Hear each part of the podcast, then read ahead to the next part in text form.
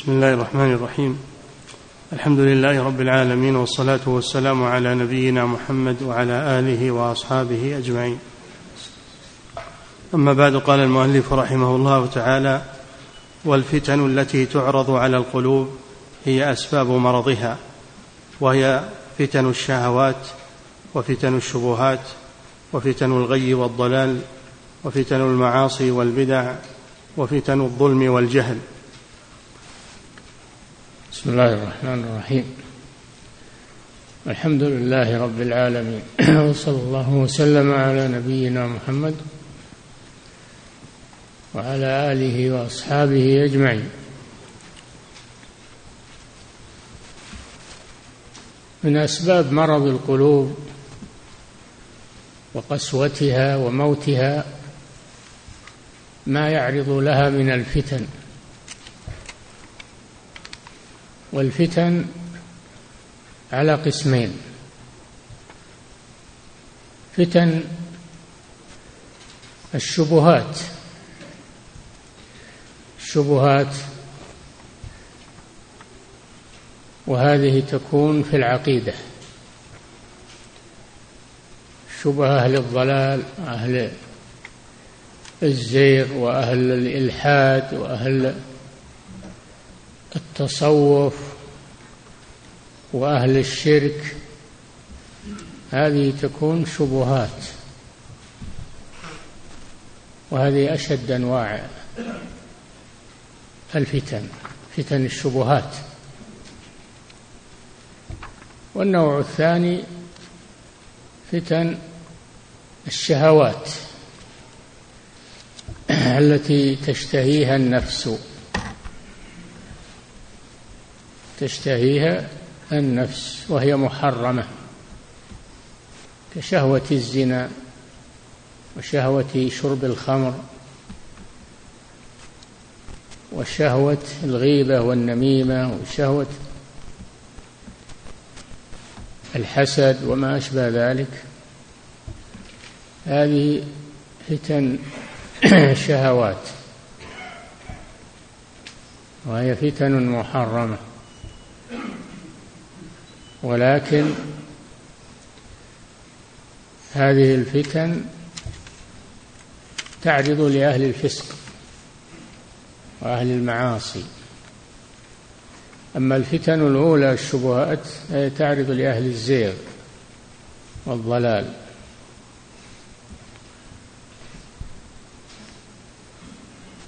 كما قال الله جل وعلا في سورة التوبة. كالذين من قبلكم كانوا أشد منكم قوة وأكثر أموالا وأولادا فاستمتعوا بخلاقهم هذه الشهوات استمتعوا بنصيبهم من هذه الدنيا.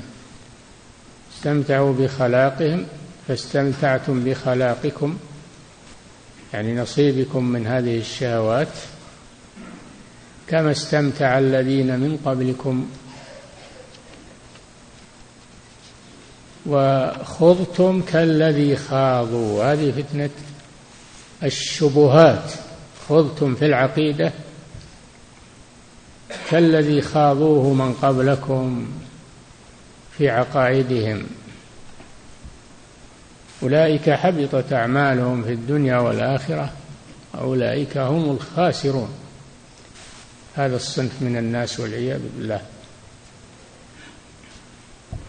فعلى المسلم أن يحذر من فتن الشهوات لأنها كثيرة مغرية. فتنة حب المال فتنة حب النساء فتنة حب آه، حب الأولاد فتنة لا تحصى فتن كثيرة. فتنة النظر إلى ما حرم الله فتنة الاستماع إلى ما حرم الله هي كثيرة. هذه فتنة الشهوات. وفتنة الشبهات هذه تكون في العقيدة والعياذ بالله. ما يعرض لها من التشكيك وما يعرض لها من الزيغ والضلال ودعاة السوء وما أكثرهم في هذا الزمان وفي وسائل الإعلام المرئية والمسموعة والمواقع والتويترات وما أشبه ذلك.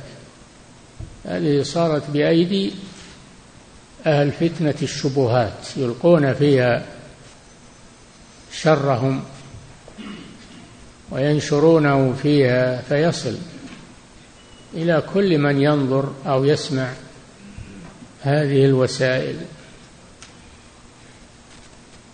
فيقع في فخها إلا من رحم الله عز وجل. فالأمر عظيم وخطير جدا. والضحية هي القلوب. كل هذه تكون ضحيتها القلوب. وإذا فسد القلب فسد الجسد فسد الجسد كله كما قال النبي صلى الله عليه وسلم. إذا صلحت صلح الجسد كله وإذا فسدت فسد الجسد كله. ولا شك أن دعاة الضلال يركزون على هذا النوع من الفتن فتن الشبهات. يركزون عليه. يجعلون له برامج يجعلون له أناسا متخصصين يعقدون له مناظرات و إلى آخره. ثم من بعدهم أصحاب فتنة الشهوات الذين يعرضون شهوات النفوس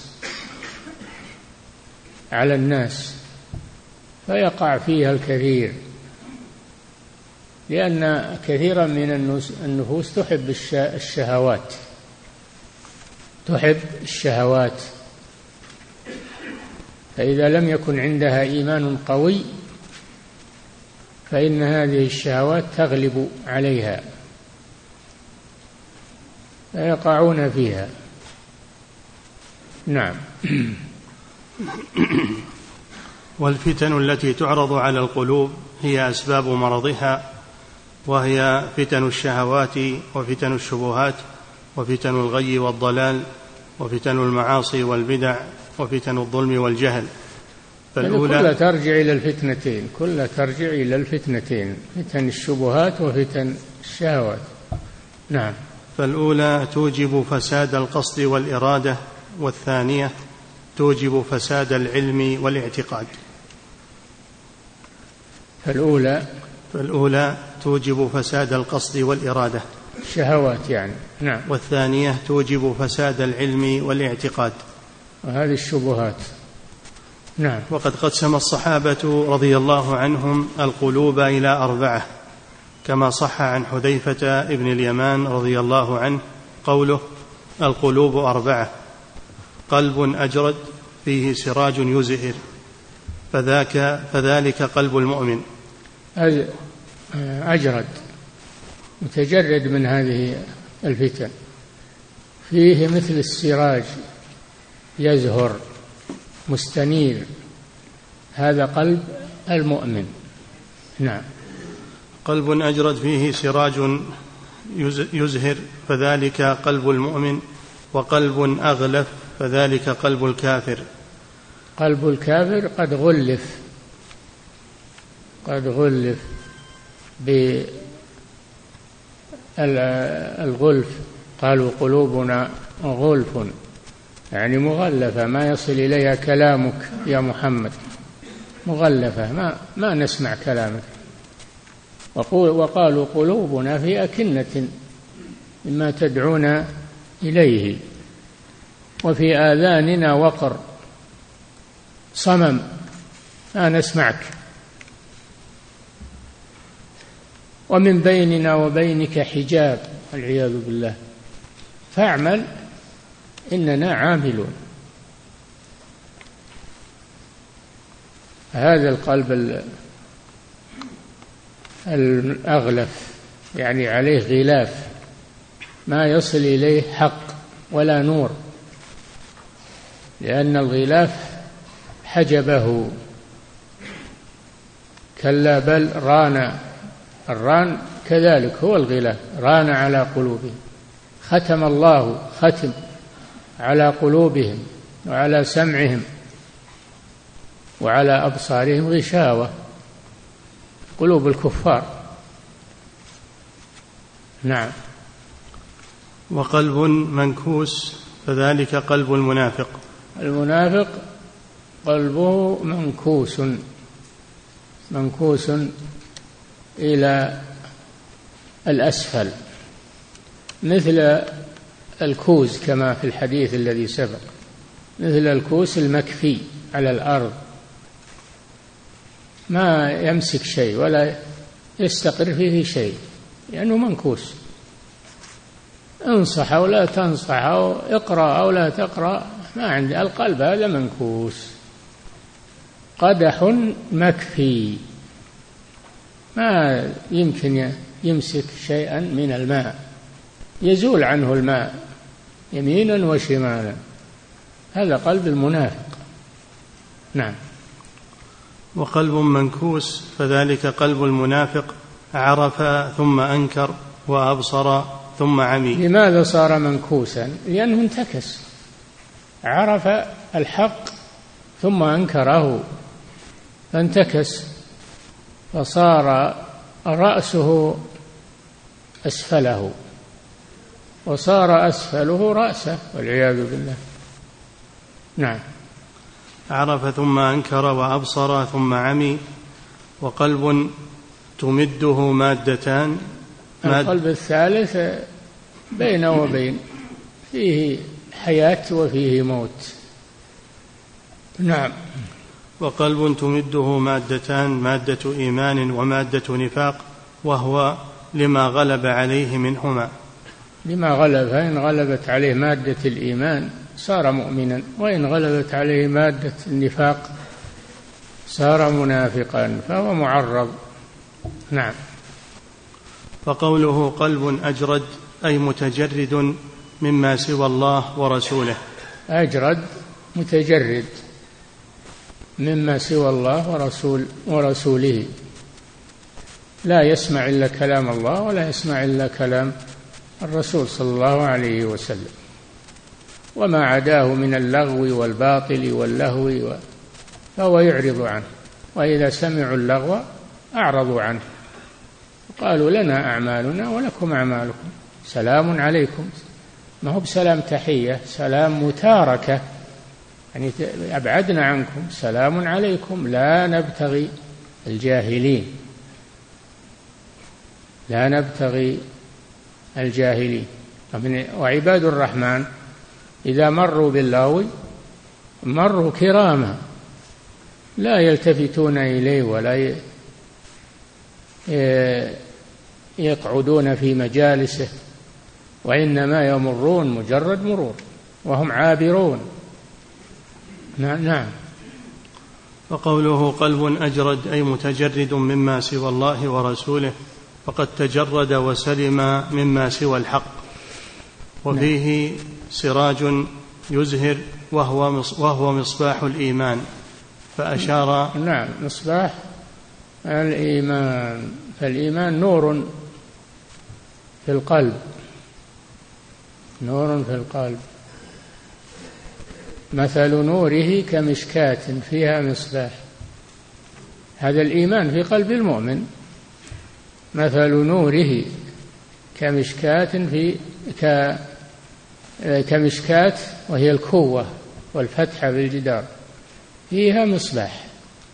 يصير هذا أقوى للنور لأنه محجوب من هنا وهنا فينبثق النور منه. المصباح في زجاجة.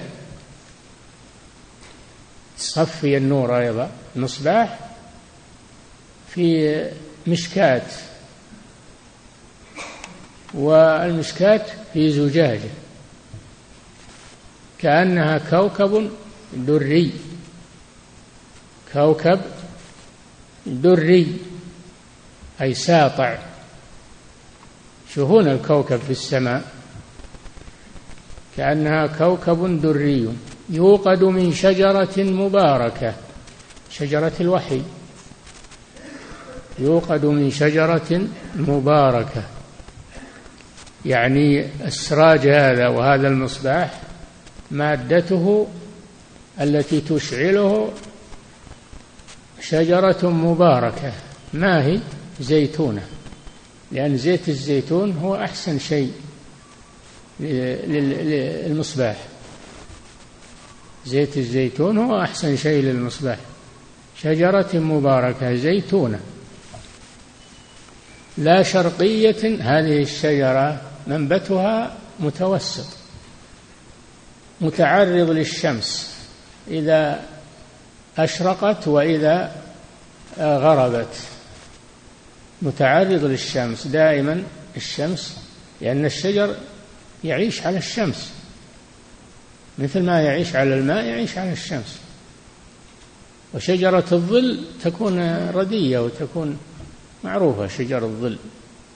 خلاف شجر اللي يتعرض للشمس هذا يصير قوي ومثمر. لا شرقية ولا غربية. تأتي يأتيها الشمس من كل جهة من جهة الشرق ومن جهة الغرب. يكاد زيتها يضيء ولو لم تمسسه نار. من صفائه نور على نور نور المصباح ونور المشكاة ونور الزجاجة ونور الزيتون الصافي. نور على نور يهدي الله لنوره من يشاء ويضرب الله الأمثال للناس. والله بكل شيء عليم. وين يوجد هذا النور؟ في بيوت اذن الله ترفع في المساجد. يوجد في المساجد.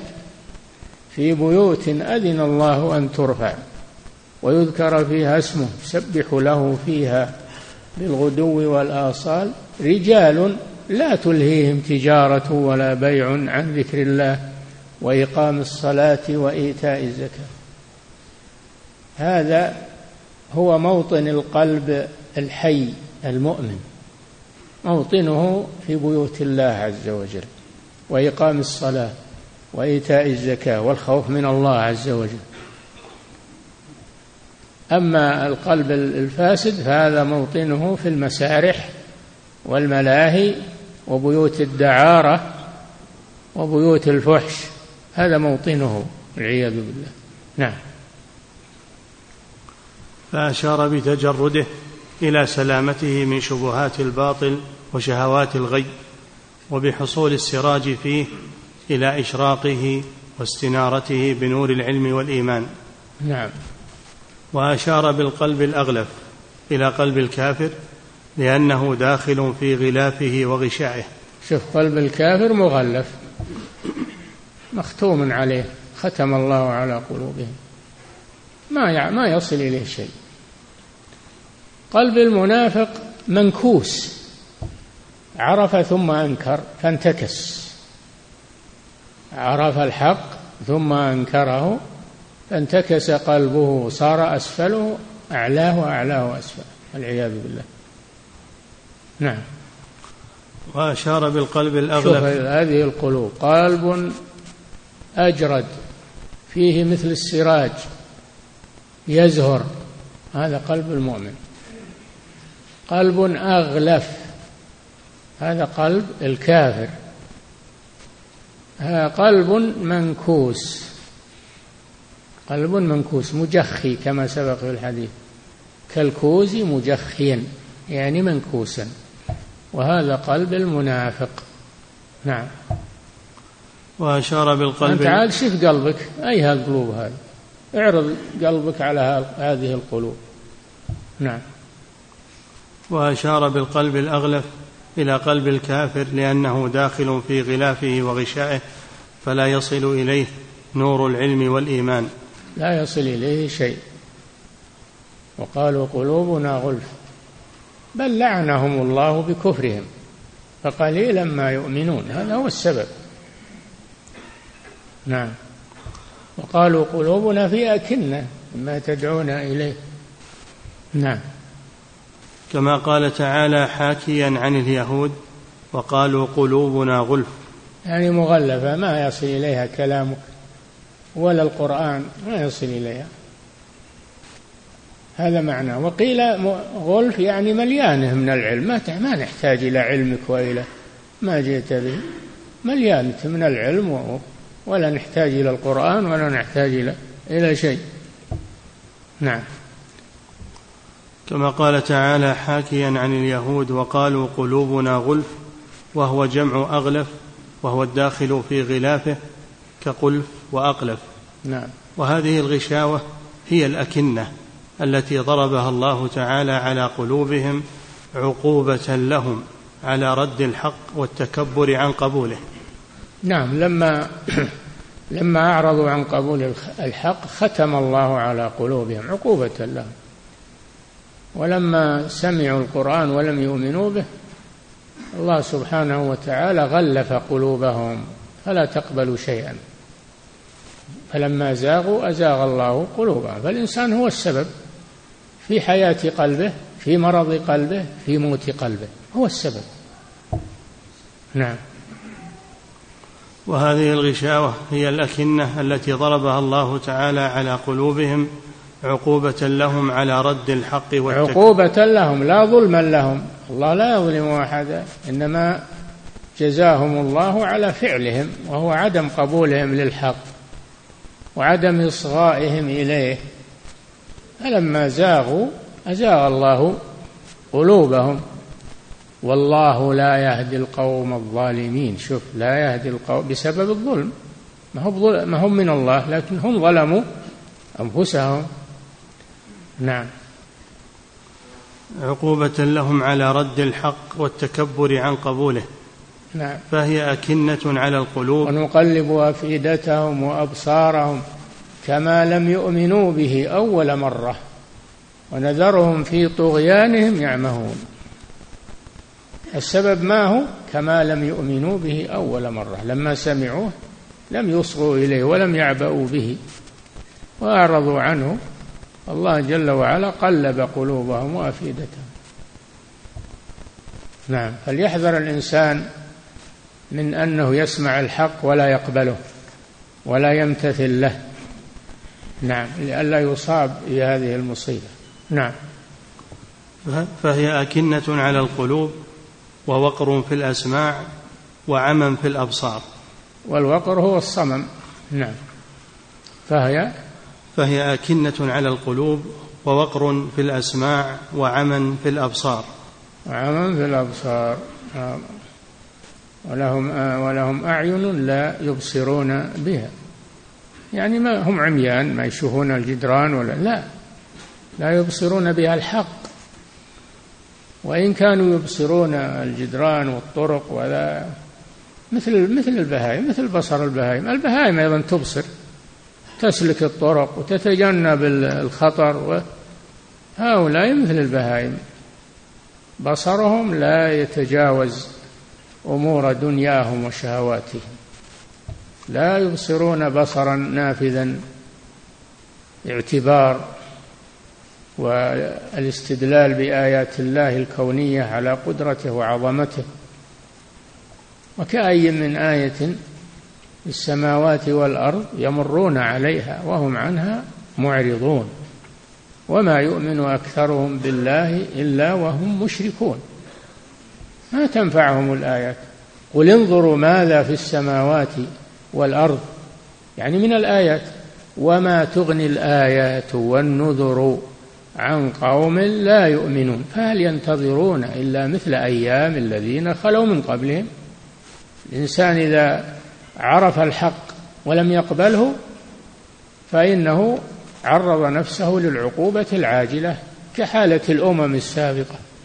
لما عصرت رسلها ولم تقبل منهم أهلكها الله جميعا كقوم نوح وعاد وثمود و... نعم. هل ينتظرون إلا مثل أيام الذين خلوا من قبلهم؟ قل فانتظروا إني معكم من المنتظرين. نعم.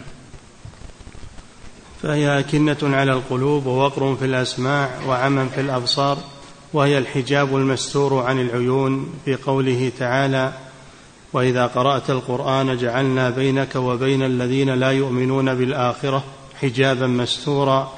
وجعلنا على قلوبهم أكنة أن يفقهوه وفي آذانهم وقرا. نعم. فإذا ذكر هذا يسمع القرآن ولا يصغي له ولا ولا يلتفت إليه.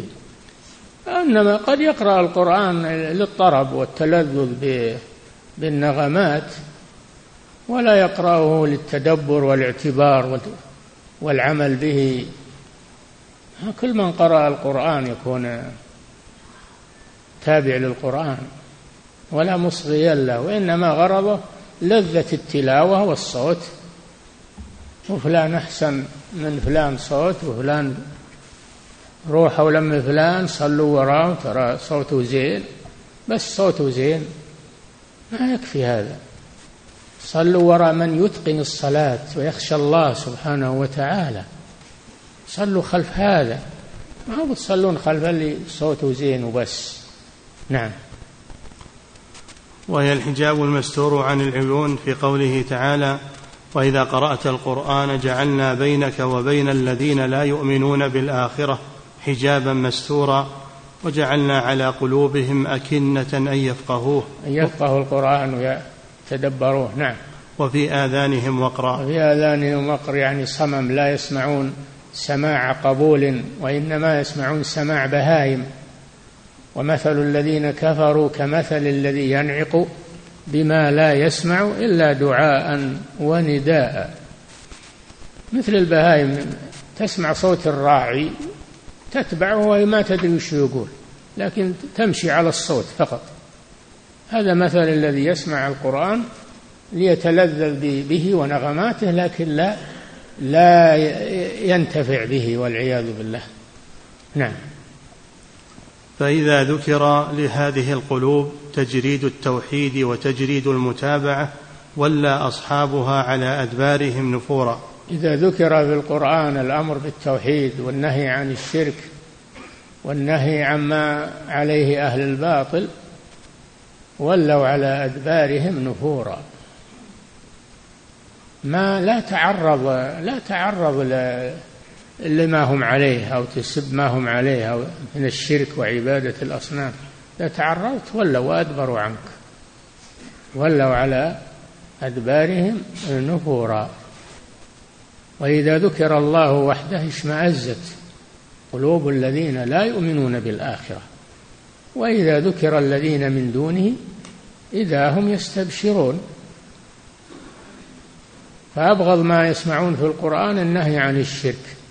وعبادة القبور وعبادة الأضرحة وعبادة الأصنام.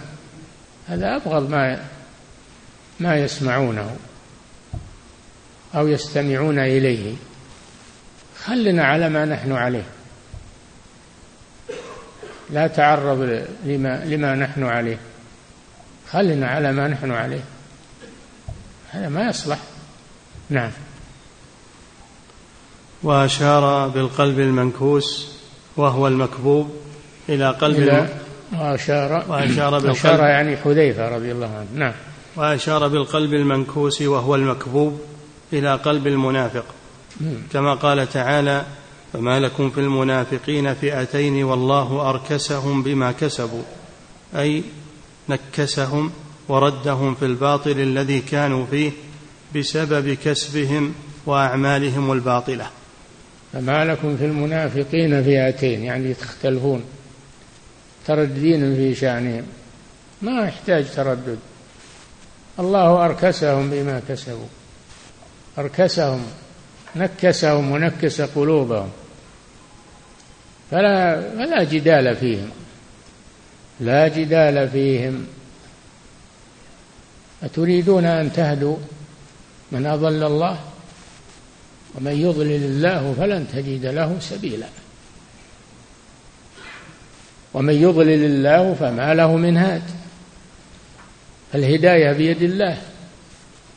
يمن بها على من يشاء. لمن أصغى إلى الحق ورغب فيه.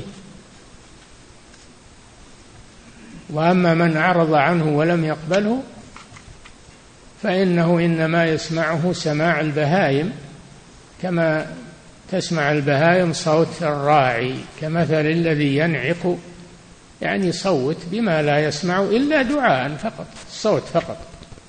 ونداء صم بكم عمي فهم لا يعقلون. نعم. والله أركسهم بما كسبوا أي نكسهم وردهم في الباطل الذي كانوا فيه. بسبب كسبهم وأعمالهم الباطلة. بما كسبوا شف بما كسبوا. الله ما ظلمهم. إنما أركسهم بكسبهم الكفر والضلال والعياذ بالله. نعم. فهذا شر القلوب وأخبثها فإنه يعتقد نعم المنافق شر من الكافر الخالص. شر من الكافر الخالص. ليه؟ لأن الكافر الخالص عرفنا أنه كافر. عرفنا أنه كافر فأخذنا حذرنا منه. وأما المنافق فهو يتزيى بزينا ويتكلم بكلامنا يذكر الله معنا ويصلي معنا ويصوم معنا خداعا. خادعون الله والذين آمنوا وما يخدعون إلا أنفسهم. فالمنافق شر من الكافر. ولذلك صار المنافق في الدرك الأسفل من النار. إن المنافقين في الدرك الأسفل من النار. أسفل شيء من النار فيه المنافقون. ليه؟ تحت عبدة الأصنام تحت المشركين. لأنهم شر من من الكفار والمشركين. أولئك صرحوا بكفرهم وعرفناهم واتخذنا حذرنا منهم. تعاملنا معهم بأنهم كفار. تعاملنا معهم أنهم كفار. أما هؤلاء نتعامل معهم على أنهم مؤمنون مسلمون. وهم غير مسلمين ولا مؤمنين. يخادعون الله والذين آمنوا. ما يخدعون إلا أنفسهم وما يشعرون. ولذلك ذكر الله في مطلع سورة البقرة أربع آيات في المؤمنين. وذكر آيتين في الكفار الخلص. وذكر بضع عشرة آية في المنافقين لخطرهم وشرهم. نعم. فهذا شر القلوب وأخبثها فإنه يعتقد الباطل حقا ويوالي أصحابه والحق باطلا ويعادي أهله. فالله المستعان. نعم. هذا المنافق. نعم. وأشار بالقلب الذي له مادتان. إلى القلب الذي لم يتمكن فيه الإيمان ولم يزهر فيه سراجه حيث لم يتجرد للحق المحض الذي بعث الله به رسوله. أربعة قلوب. ذكر حذيفة رضي الله عنه أربعة قلوب. قلب أجرد فيه مثل السراج يزهر. وقلب منكوس وقلب أغلف قلب أغلف وهو قلب الكافر.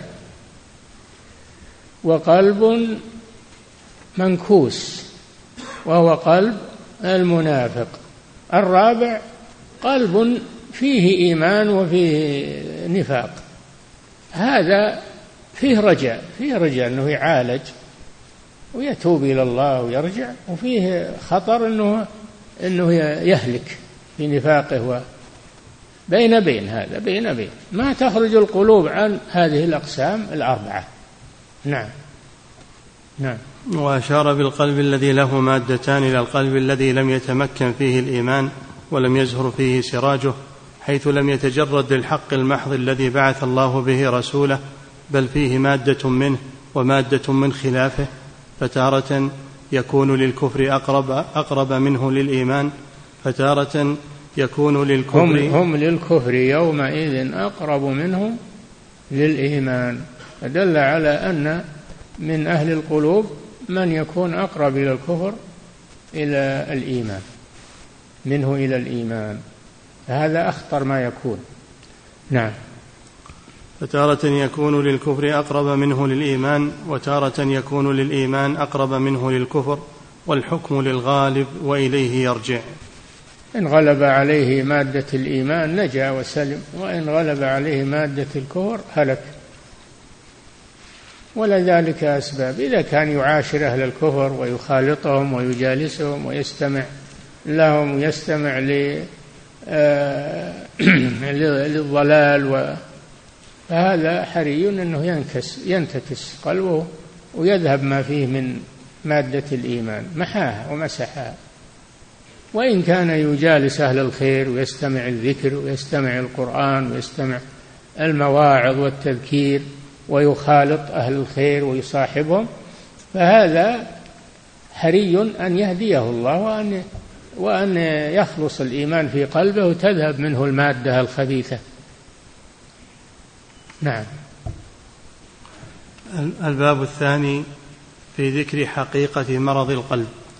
والله كلام حذيفة هذا ثمين جدا رضي الله عنه وأرضاه. وهو فقيه في أمر الفتن لأنه يخاف منها ويحذر منها ويسأل عنها رسول الله صلى الله عليه وسلم. هو أكثر الصحابة سؤالا عن الفتن. يقول رضي الله عنه كان الناس يسألون رسول الله صلى الله عليه وسلم عن الخير وكنت أسأله عن الشر مخافة أن أقع فيه. هذا من فقه رضي الله عنه. فالإنسان لا يأمن على نفسه وإذا لم يعرف الشر وقع فيه. من لا يعرف الشر؟ عرفت الشر لا للشر لكن لتوقيه. ومن لا يعرف الخير من الشر يقع فيه. يقول الإنسان والله أنا فاهم وعارف وأنا ما علي خطر ولا نبرح نتعلم شبه الكفار وشبه الجهمية والأشاعرة والمعتزلة. وشبيبها يقولون كذا بعضهم. لا أعرفها لأجل تتجنبها ولا تلتبس عليك شبهاتهم. اعرفها. من أجل أن تتجنبها وإلا تقع فيها لا سيما وأنهم أهل فصاحة وأهل علم وأهل حجاج ومناقشة. فلا بد أنك تكون عندك حصانة منهم. ولذلك نحن ندرس في العقيدة ندرس مذهب أهل السنة والجماعة ندرس مذهب المعتزلة والجهمية والمعتزلة والأشاعرة ومذهب الخوارج مذهب المرجئة. ليش ندرس هذه الأشياء؟ محبة لها؟ لا. ندرسها لأجل أن نتجنبها لكن لا يمكن أن نتجنبها دون أن نعرفها. لا بد أن نعرفها. أنت لما تسير في طريق تسير في طريق وفي الليل أيضا أنت لا تعرف هذا الطريق وما فيه من الحفر. وما يعترضك من السباع والهوام. إذا لم تعرف هذا تهلك في أول خطوة. أما إذا كنت على معرفة بالطريق تعرف ما فيه من الأخطار تأخذ حذرك. تتجنب الأخطار وتقاوم الأشياء التي تعترض لك. لا بد من معرفة طريقك في هذه الحياة. نعم. الباب الثاني. في ذكر حقيقة مرض القلب. يكفي نقف عند هذا.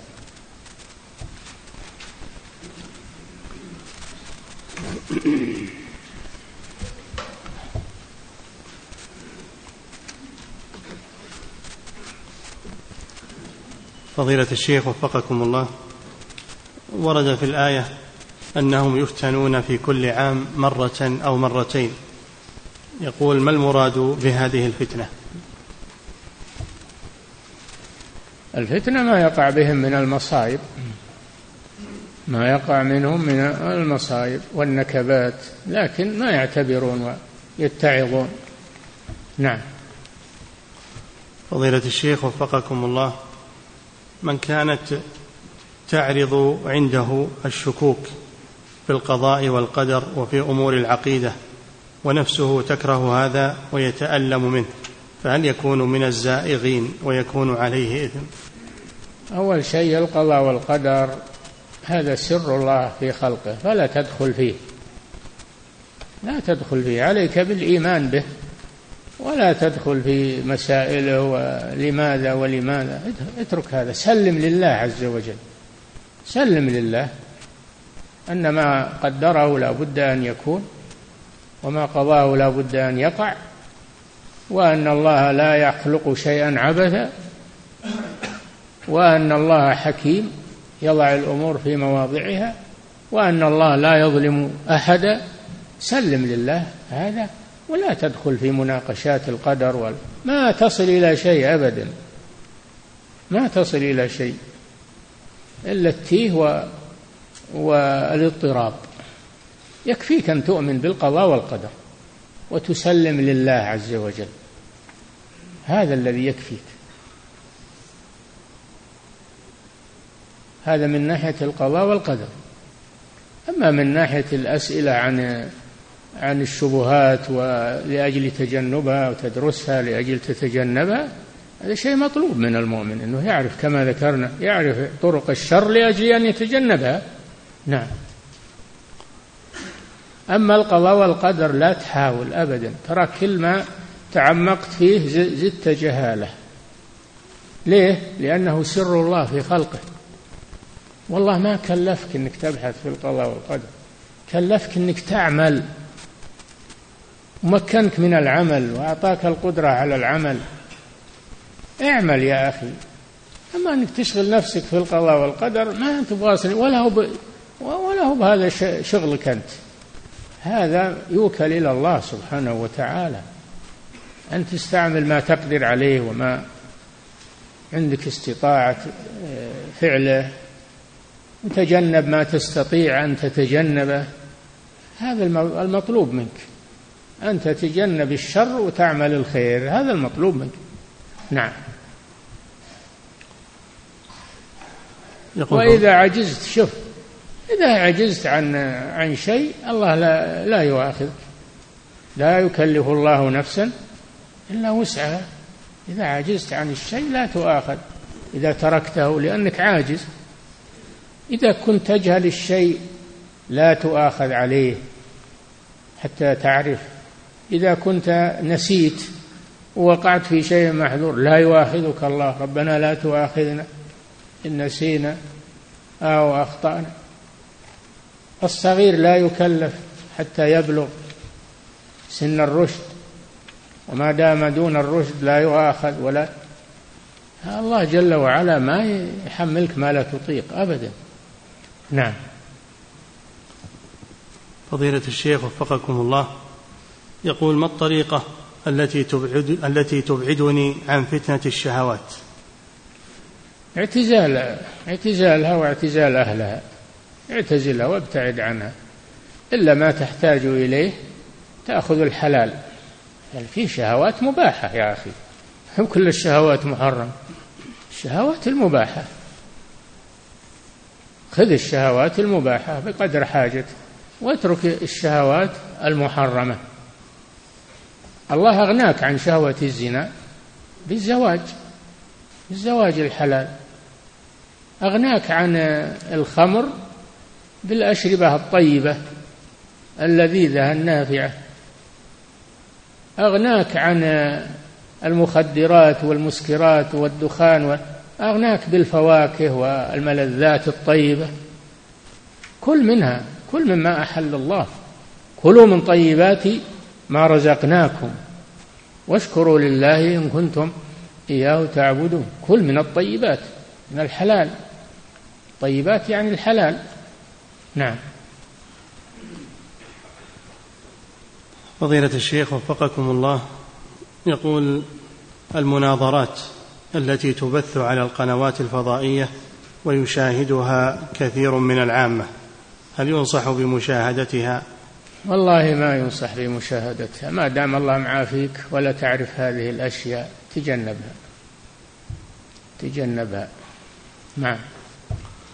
فضيلة الشيخ وفقكم الله يقول هل الذهاب إلى قنوات هل الذهاب إلى قنوات الشر لغرض مجادلة أهل الشر والبدع ورد بعض شبهاتهم هل هذا من مسلك السلف؟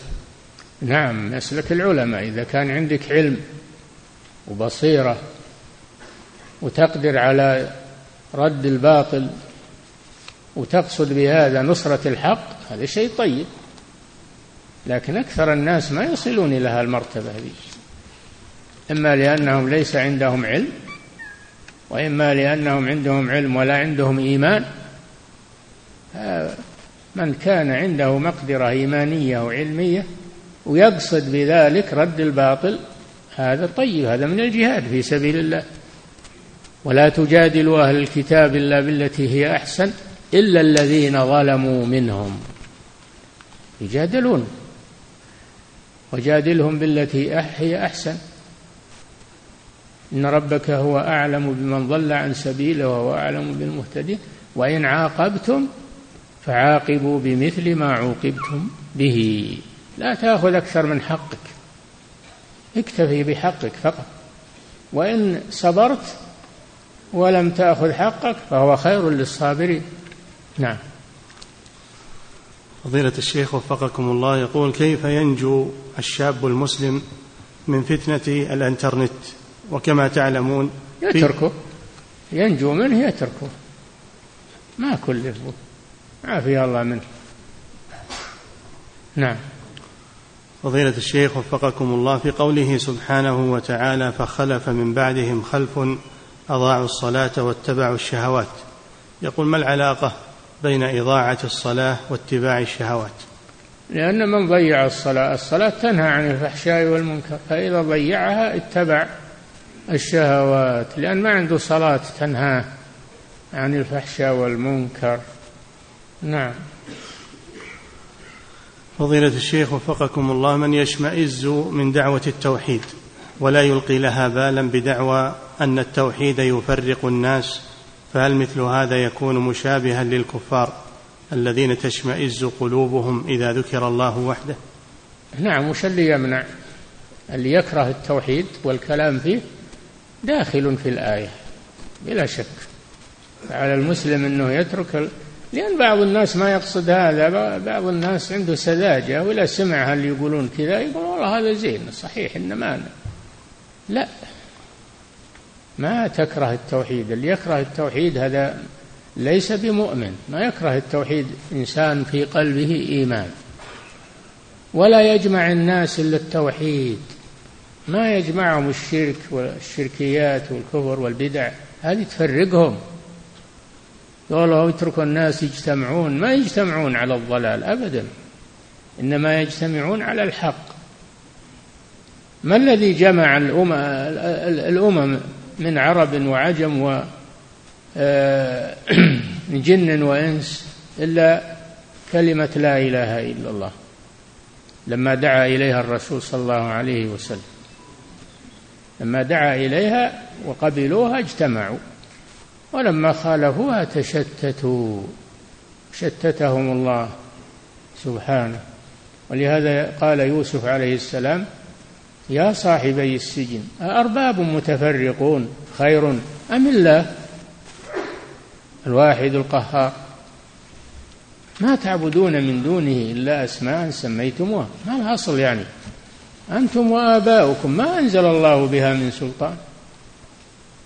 إن الحكم إلا لله أمر أن لا تعبدوا إلا إياه. ذلك الدين القيم ولكن أكثر الناس لا يعلمون.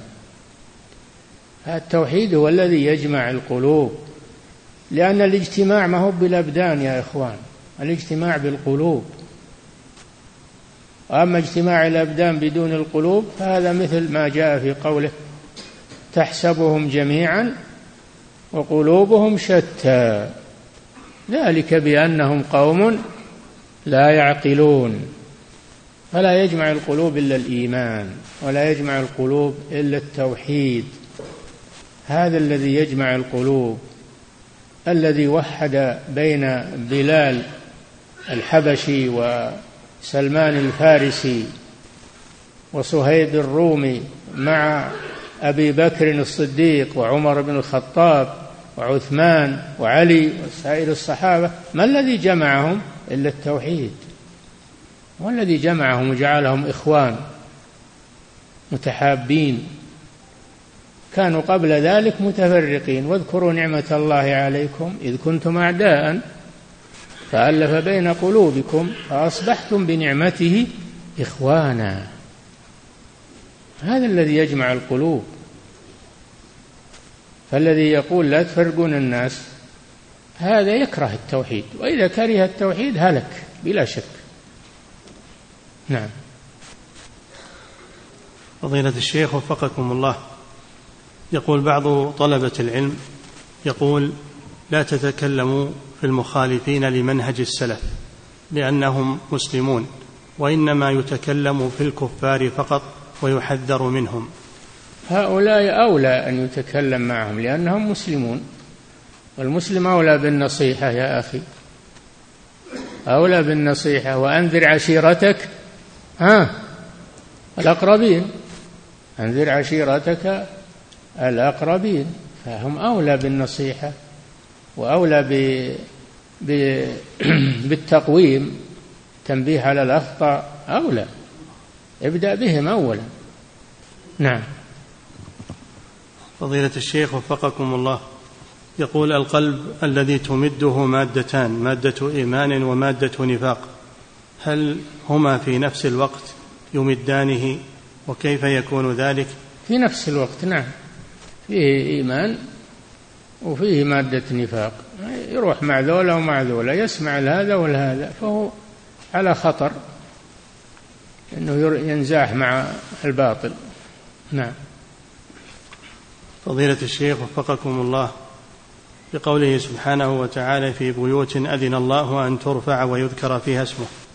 هل تدل الآية على أن المحاضرات والمواعظ إنما تكون في المساجد فقط؟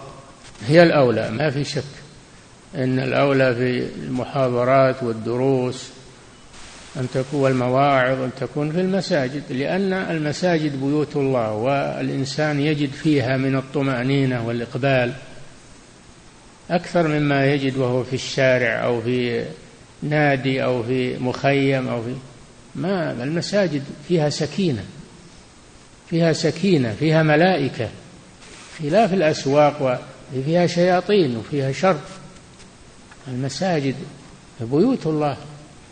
فهي أولى أن تلقى فيها الدروس والدعوة والمحاضرات.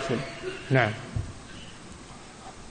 فضيلة الشيخ وفقكم الله وكذلك يقول في قوله سبحانه في بيوت أذن الله أن ترفع ويذكر فيها اسمه. هناك البعض يقول إن أحكام الدين لا يتعدى بها المساجد. فهل هذا القول صحيح؟ هذا قول العلمانية قول العلمانية. يقولون الدين في المساجد بس أما ما له سلطان خارج المساجد لا على معاملات الناس ولا على تصرفات الناس الناس أحرار والناس أما في المسجد هذا محل الدين عندهم. هذا هذا هذا كفر والعياذ بالله. هذا معناه أن الإسلام أنه ما هو بشامل للحياة وإنما هو في المساجد فقط. وبقية الأرض لا سلطان للدين عليها. نسأل الله العافية. هذا قول العلمانيين والليبراليين. نعم. فصل الدين عن الدولة يقولون. نعم. فضيلة الشيخ وفقكم الله يقول هناك رجل عندما أنصحه لمواقع هناك رجل عندما أنصحه لمواقعته المعاصي يرد علي بحديث معناه لو أنكم لا تعصون الله لأتى الله بقوم. يتقرب إلى الله بالمعاصي. هذا انتكاس. تقرب إلى الله بالطاعات ولكن يتوب من المعاصي. ثم تستغفرونه. هذا ما كمل الحديث. ثم تستغفرونه فيغفر لكم. أما الذي لا يستغفر هذا لا يتقرب إلى الله بحاله والعياذ بالله. نعم.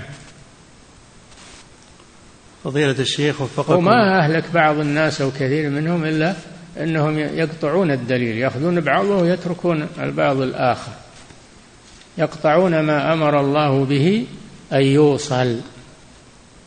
كلام يفسر بعضه بعضا ويوضح بعضه بعضا فإذا قطعته وأخذت قدر حاجك وتركت الباقي هذا ضلال زيغ. هذه طريقة أهل الزيغ. وأما الذين في قلوبهم زيغ يتبعون ما تشابه منه ابتغاء الفتنة هذه طريقة أهل الزيغ نعم. أما أهل الحق يقولون آمنا به كل من عند ربنا المحكم والمتشابه. فيفسرون بعضه ببعض يقولون كلام ربنا عز وجل آمنا به كل من عند ربنا وما يذكر إلا أولو الألباب. ربنا لا تزغ قلوبنا كما أزغت كما أزغت هؤلاء. نعم. فضيلة الشيخ وفقكم الله يقول من شعر وأحس أن قلبه هو من النوع الرابع الذي فيه المادتان. هذا كثير يا أخي ما هو؟ هذا كثير اللي فيه المادتان أكثر الناس كذا. نعم. يقول فكيف نعالج هذا القلب؟ بالإقبال على طاعة الله وعلى الاستغفار والتوبة والمحافظة على الفرائض فبذلك تمحي المادة الخبيثة. من قلبك. نعم. فضيلة الشيخ وفقكم الله يقول السائل هناك من يقول إن العيش في بلاد الكفار أحسن من العيش في بلاد المسلمين. نسأل الله العافية. لأن بلاد الكفار إنما فيها كفار فقط وليس فيها منافقون. نسأل الله العافية. هذا يمدح الكفار ويسب المسلمين. المسلمين وإن كان عندهم معاصي وإن كان عندهم خير من الكفار. خير المسلم العاصي خير من الكافر. المسلم العاصي خير والفاسق المسلم الفاسق خير من الكافر. الكافر لا خير فيه ابدا شر خالص. ما هذا عنده خير وعنده شر. هو خير من الكافر الخالص. وهذا معناه رد الهجرة. الله أوجب الهجرة. من بلاد الكفر إلى بلاد الإسلام. هذا يقول لا لا تهاجر. بلاد الكفار أزين من بلاد المسلمين. هذا والعياذ بالله هذا ضلال. نعم. فضيلة الشيخ ويقولون للذين كفروا هؤلاء أهدى من الذين آمنوا سبيلا. أولئك الذين لعنهم الله. ومن يلعن الله فلن تجد له سبيلا. نعم. نصيرا. نعم. فضيلة الشيخ وفقكم الله يقول المؤلف رحمه الله ذكر في أول الباب أن القلوب تنقسم إلى ثلاثة صحيح وسقيم وميت. وحذيفة رضي الله عنه ذكر أنها أربعة. تفصيل ف... كلام حذيفة تفصيل. وأما في الحديث فهو إجمال. نعم. فضيلة الشيخ وفقكم الله يقول هل أفضل الأسماء بعد عبد الله وعبد الرحمن هي أسماء الأنبياء؟ أم ما عبد لله سبحانه؟ ما عبد لله فهو أفضل. عبد الرحمن عبد الكريم عبد العزيز ما عبد لله فهو أفضل. نعم. فضيلة الشيخ وفقكم الله يقول ما حكم تكرار صلاة الاستخارة في الموضوع الواحد؟ لا بس إذا صليت ودعوت ولم يتبين لك صل ثاني وادع مرة ثانية حتى يتبين لك. كرر الاستخارة. نعم. فضيلة الشيخ وفقكم الله يقول ما حكم استعمال العطور التي ثبت أن فيها كحول؟ لا يجوز. إذا ثبت أن فيها مادة كحول الكحول خمر. الخمر نجسة. والله قال فاجتنبوه. قال في الخمر فاجتنبوه. فكيف تتطيب به؟ والله يقول اجتنبوه. إذا ثبت. أما مجرد الشائعات لا يبنى عليه حكم. الأصل الإباحة إلا إن ثبت أن فيه خمر. نعم. فضيلة الشيخ وفقكم الله يقول ما حكم مس الذكر دون حائل ولكن ليس بالكف وإنما بالساعد؟ هل ينقض الوضوء؟ وإنما بالساعد. لا إذا ما مسه بكفه ما ينتقض الوضوء إنما مسه بالكف فقط. نعم. فضيلة الشيخ وفقكم الله يقول هل هل يجوز أن أصلي بالوضوء الذي في غسل الجمعة إذا نويت به الوضوء؟ هل يجوز أن أصلي به؟ اي نعم إذا نويت دخول الوضوء في غسل مسنون ما هو غسل تبرد ولا تنظف غسل مسنون لأنه مشروع يدخل فيه. ولكن كونك توضأ على حدة وتغتسل على حدة هذا أتم وأحسن. نعم. فضيلة الشيخ وفقكم الله يقول انتشر في الأزمنة المتأخرة الأمراض النفسية والأطباء النفسيون. يقول ومعروف أن دراستهم ليست مبنية على الكتاب والسنة. سؤاله هل يجوز أن يذهب المسلم المتوكل على الله إلى مثل هؤلاء لأجل العلاج؟ نعم يا أخي تداووا ولا تداووا بحرام. والله ما أنزل داء إلا أنزل له دواء. والتداوي لا ينافي التوكل على الله. سبب الأسباب المباحة لا تنافي التوكل على الله. اعمل السبب وتوكل على الله. اجمع بينهما. نعم. فضيلة الشيخ وفقكم الله هل يجوز للمرأة التي صبغت شعرها أن ترجعه إلى اللون الأسود بالصبغ؟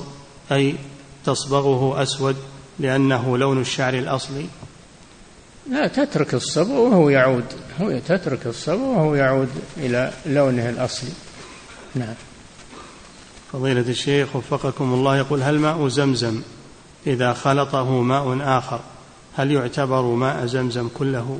بقدر ما فيه يعتبر ماء زمزم بقدر ما فيه من زمزم. نعم.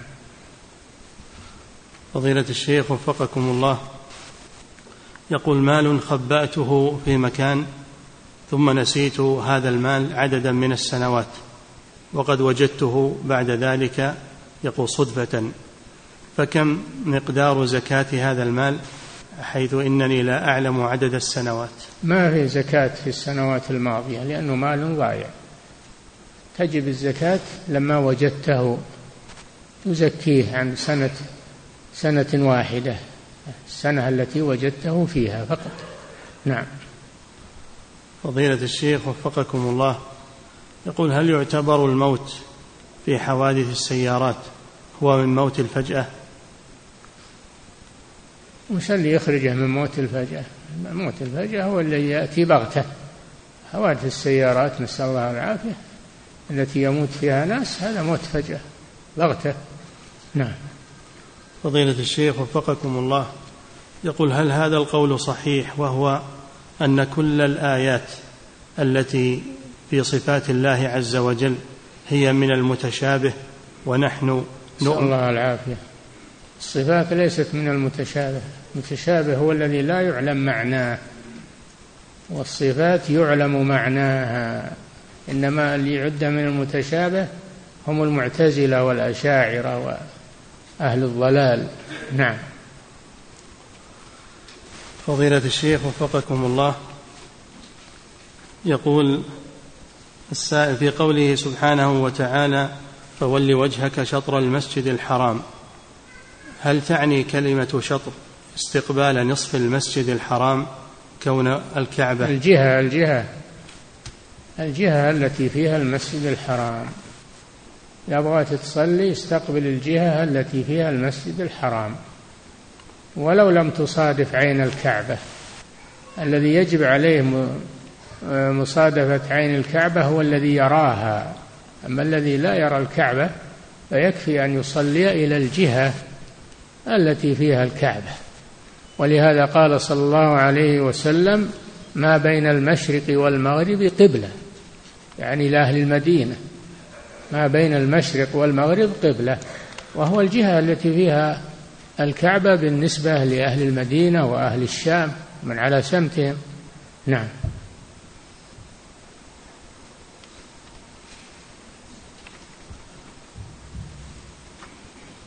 الله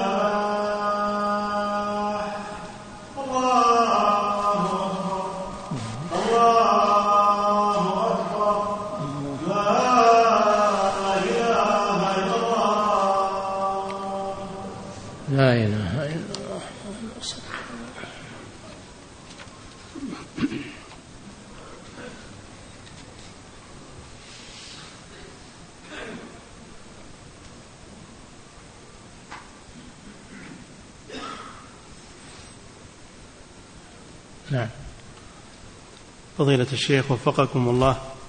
يقول ما حكم سفر المرأة من غير محرم علما بأنه سيتم توصيلها إلى المطار واستقبالها في المطار الثاني لأجل, لأجل أن تذهب إلى زوجها هناك؟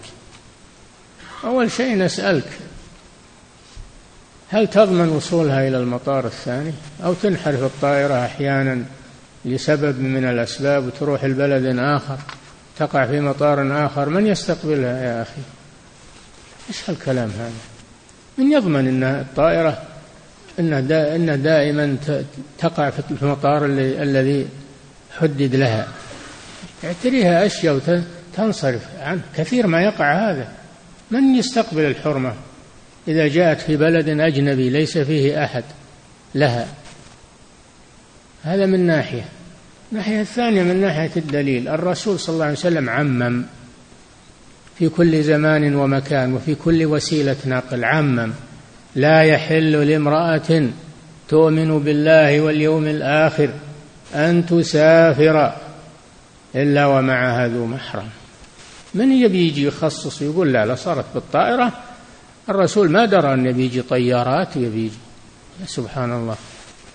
الرسول كلامه عام لكل الأوقات وكل الأمكنة وكل الأزمان. الشريعة الإسلامية شاملة إلى أن تقوم الساعة. نعم. فضيلة الشيخ وفقكم الله. امرأة تسأل عن حكم لبس الرموش الصناعية. لا يجوز هذا. هذا تصنع بما لا تعطى. نسأل الله العافية. ما يجوز. يا أخي خلق الله له رموش ما تكفيها؟ تكتفي بالرموش التي خلقها الله له وهي أجمل لها وأحسن. نعم. فضيلة الشيخ وفقكم الله يقول إنه شخص ينظر إلى المحرمات ويفعل بعضا منها ثم يتوب ويحلف أنه إن عاد مرة أخرى ليدفعن كفارة كمئتي ريال مثلا. يقول ثم أعود وأعود وأتوب بعد ذلك فماذا علي؟ اجتنب الأسباب اجتنب الأسباب اللي توقعك في المعصية والعود إليها اجتنب الأسباب مجالسة أهل الشر مجالسة النظر إلى ما حرم الله اجتنب الأسباب التي توقع في المعصية حتى تج... تسلم منها. أما أنك تتعاطى أسبابها وتقول أنا بتوب لا ما يجوز هذا. ولكن أنت حلفت إذا وقعت في المعصية كفر كفارة يمين. عليك مع التوبة أن تكفر كفارة يمين. نعم. فضيلة الشيخ وفقكم الله مأموم يصلي خلف الإمام ثم قطع هذا المأموم صلاته لحاجة. يقول انحرف عن جهة القبلة ثم رجع مع الإمام ثانية فما حكم صلاته؟ إذا كان انحرف عن القبلة لحاجة ضرورية ثم عاد صلاته صحيحة. أما إذا كان انحرف من غير حاجة ويعني استدبر القبلة أو صارت على جنبه تبطل صلاته إذا كان هذا لغير حاجة. أما إذا كان لحاجة بيقتل حية يقتل عقرب فهذا لا هذا لا بأس. يسمح له بذلك. نعم. فضيلة الشيخ وفقكم الله يقول بعض الناس يضع على إحدى النصائب على قبر والده يضع عصا لكي يميزه عن, عن باقي القبور. فهل فعله جائز؟ لا بأس بهذا. يوضع عليه عصا يوضع عليه حجر ما في بأس. إنما لا يكتب عليه أو يضع عليه صبغ أو شيء ما يجوز هذا.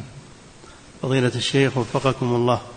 يقول أعمل أعمالا خاصة بعملي في غير أوقات الدوام فهل يحق لي أن آخذ من, من, من ميزانية معي مقابل هذه الأعمال التي أعملها رغم عدم موافقة مرجعي على ذلك وقد طلبت منهم فرفضوا؟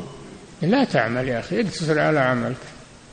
لا تعمل غير عملك ولا اترك العمل هذا ورحل اللي تبي. أما أنك تأخذ عمل ووظيفة كنت ولا ما هي ميزية هذه بشتغل بغيرها والنظام يمنع هذا فلا يجوز لك هذا.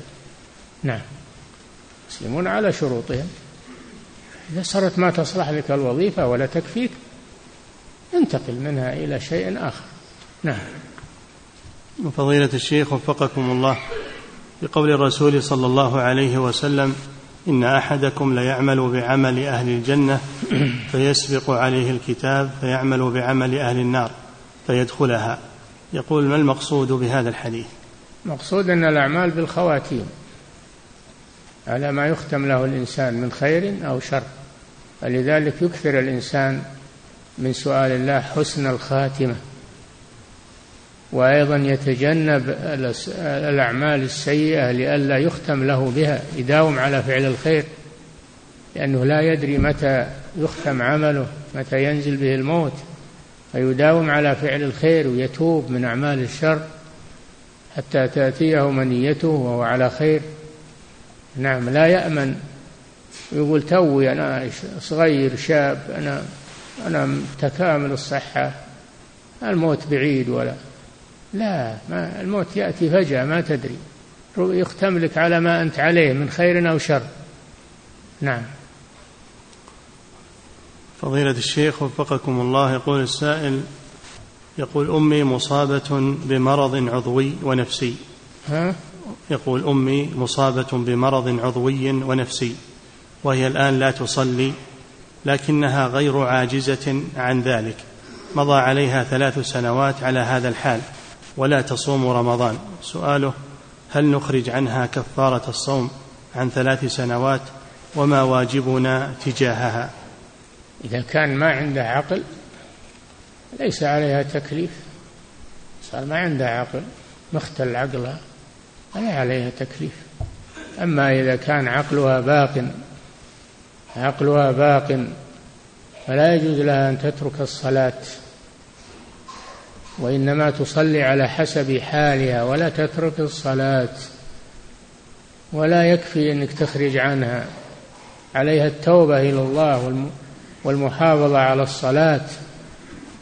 والله يتوب على من تاب لأنها تركت الصلاة متعمدة والذي تركها متعمدا لا يقضيها وإنما يتوب إلى الله عز وجل. القضاء للذي تركها ناسيا أو نائما. نعم. فضيلة الشيخ وفقكم الله يقول السائل يقول ولدي يؤذيني بالكلام أحيانا ولا يصلي أحيانا فعجزت معه في التعامل فهل أدعو عليه مع العلم أنه يقول لي إن شئت أن تدعو فادعو بما شئت؟ يقول ما نصيحتكم لي وله؟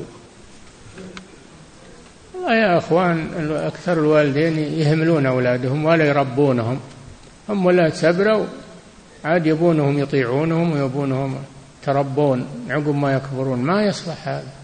واجب إنك ربيته من الأصل سايرته من الأصل. ربيته على الدين وعلى محافظة على الصلاة مروا أولادكم بالصلاة لسبع واضربوهم عليها لعشر فرقوا بينهم في المضاجع. وكونك تبي يرجع عقب ما كبر صعب هذا. ما تقواه أما لو أنك صاحبته من الأول بالتربية و وأخذت به ولازمته هداه الله عز وجل لأنك فعلت السبب. والآن لا تدعو عليهم. ادعو الله له بالهداية. والله قريب مجيب. ادعو الله له بالهداية بدل أن تدعو عليه. نعم.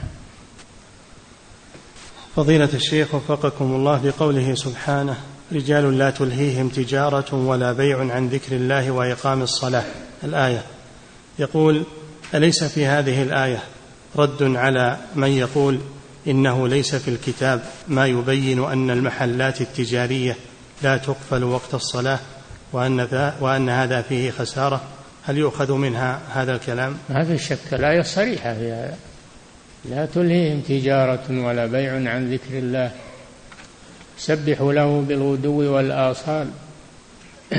يسبح له فيها بالغدو والآصال رجال لا تلهيهم. فيها أي المساجد. فدل على أنهم يذهبون إلى المسجد ويصلون ويرجعون لبيعهم وشراء ما قال لا يتاجرون؟ قال لا تلهيهم تجارة. يتبعون ويشرون. فإذا قضيت الصلاة فانتشروا في الأرض وابتغوا بفضل الله واذكروا الله كثيرا وابتغوا عند الله الرزق واعبدوه. العبادة لها وقت وطلب الرزق والتجارة لها وقت. فاللي يقول الكلام هذا هذا باطل كلام باطل معارض لهذه الآية. معارض لهذه الآية تماما. نعم. انتهى الله تعالى أعلم وصلى الله وسلم على نبينا محمد وعلى آله وصحبه أجمعين.